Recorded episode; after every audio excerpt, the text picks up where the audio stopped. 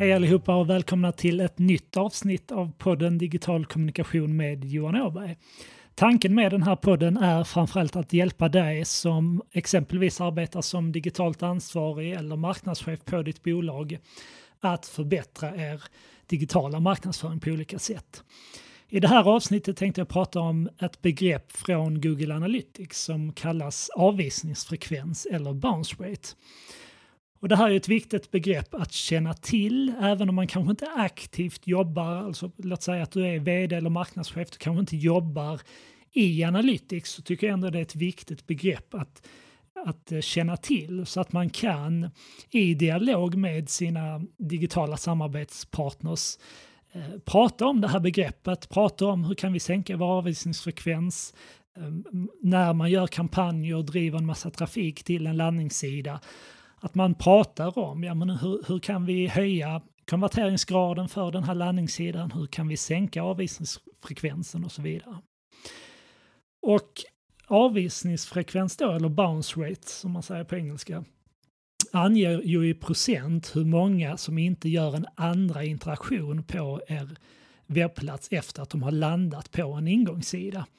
Så låt säga att man klickar på ett sökresultat i Google, man kommer in på en sida på er webbplats men sen väljer man att lämna sajten och det kommer då räknas som en studs eller som en bounce. Så att avvisningsfrekvensen vill vi ju generellt ha så låg som möjligt. Vi vill ju att våra potentiella kunder surfar runt och, och engagerar sig på vår sajt på olika sätt. Sen kan det ju finnas tillfällen där vad ska man säga, att, att det är naturligt att ha en högre avvisningsfrekvens. Det kan exempelvis vara vanligt att man ser det här på kontaktsidor. Och det kan ju då vara kunder som exempelvis letar efter era kontaktuppgifter i Google.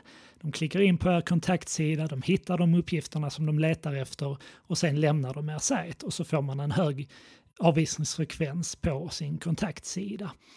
Så att det gäller också när man utvärderar det här eh, mätvärdet att förstå eh, liksom, vad, vad det är det vi presenterar på sidan som vi tittar på.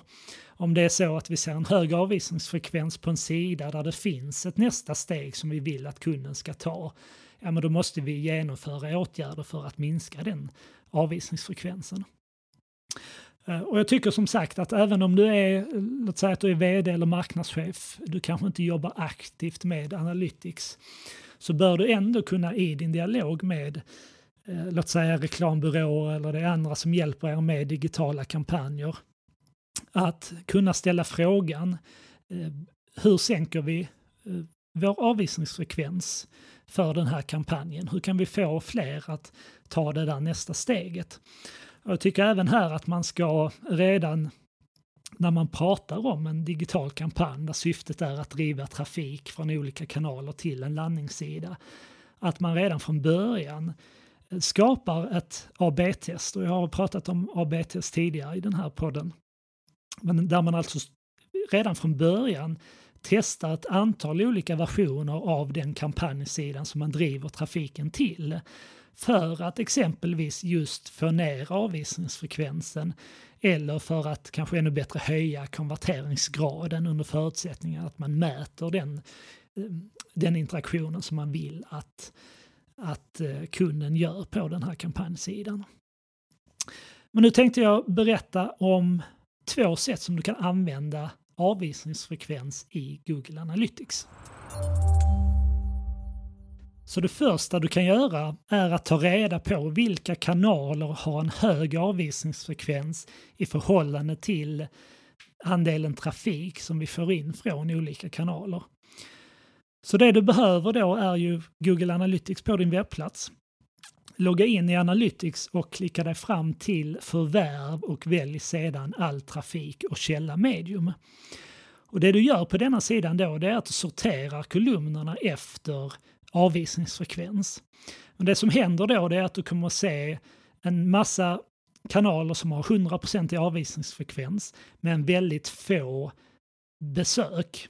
Och de kanalerna är ju naturligtvis inte intressanta för oss att, att sitta och utvärdera kanaler som har enstaka eh, besök utan det vi vill se det är vilka kanaler har en hög avvisningsfrekvens i förhållande till en hög andel trafik.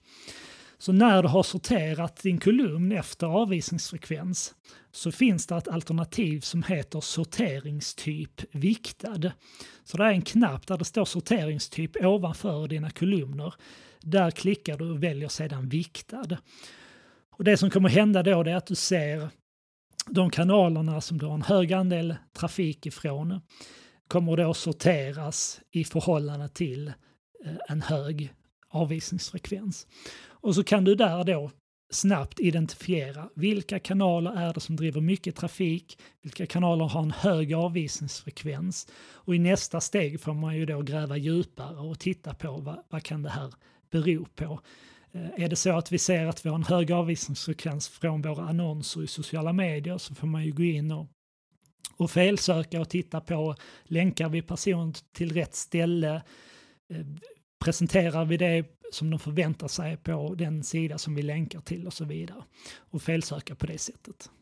Ett annat sätt att använda avvisningsfrekvens är att titta på de målsidor som har en hög avvisningsfrekvens på er webbplats. Och för att göra detta så behöver vi gå, eh, gå, vidare till beteende och sedan klicka oss vidare till webbplatsinnehåll och alla sidor i Analytics. Och likadant där, här sorterar vi på avvisningsfrekvens. Och målsidor, för, för dig som inte känner till begreppet, så är ju målsidor de sidor som dina webbplatsbesökare kommer in på alltså deras första sida. Och då kommer du troligtvis se att startsidan har många ingångar, men du kommer även se att det finns många andra sidor på er webbplats som har eh, en hög andel ingångar. Och det här beror oftast på att man har mycket organisk söktrafik in på olika delar av sajten eller att man länkar från sociala medier till enskilda delar på sajten. Men likadant här, sortera på avvisningsfrekvens. Eh, och för att du sedan ska se de sidor och, och ingångssidor som har en hög avvisningsfrekvens i förhållande till antalet besök så måste du välja sorteringstyp viktad. Och likadant där, då kommer du att få upp de sidor som har mycket trafik och som har en förhållandevis hög avvisningsfrekvens. Och skulle du då upptäcka att här finns sidor som har en hög avvisningsfrekvens men där det finns ett andra steg där vi vill att, att kunden ska gå vidare. Så behöver man återigen då felsöka, vad är det som inte fungerar på de här sidorna? Om man då skulle se att ja, men mycket av den trafiken som kommer in kanske är från Google. Vad är det egentligen de personerna letar efter? Ser vi en hög avvisningsfrekvens, då kanske de här personerna förväntar sig något på den här ingångssidan som vi inte presenterar för dem. Här kommer du också eh, eventuellt märka det som jag pratade om tidigare, alltså att en, en kontaktsida kan ha en hög avvisningsfrekvens. Men det, det, är ju då på grund av att folk exempelvis söker efter er kontaktinformation, kommer in på sidan, hittar den informationen de letar efter och sen lämnar dem. Och så får ni en hög avvisningsfrekvens på sidan. Så är det ju framförallt viktigt att leta efter de sidor där ni vill att kunden ska klicka sig vidare och för att i nästa steg då felsöka vad ni kan göra åt de här sidorna. Så det här var två sätt som du kan använda avvisningsfrekvens för att förbättra din webbplats och din digitala närvaro på olika sätt. Vill du lära dig mer om Analytics och fördjupa din kunskap i det här verktyget så har jag precis tagit fram en omfattande kurs som du kan genomföra digitalt när du vill. Jag kommer lägga med länken till den här kursen i anslutning till det här avsnittet. Jag har också tagit fram en ordlista för Google Analytics som innehåller tio viktiga begrepp som är viktiga att känna till i Analytics. Så kolla gärna in de eh, länkarna jag kommer att lägga till det här i anslutning till det här avsnittet. Och med det sagt så vill jag önska dig lycka till och så hoppas jag att vi hörs snart igen. Ha det bra!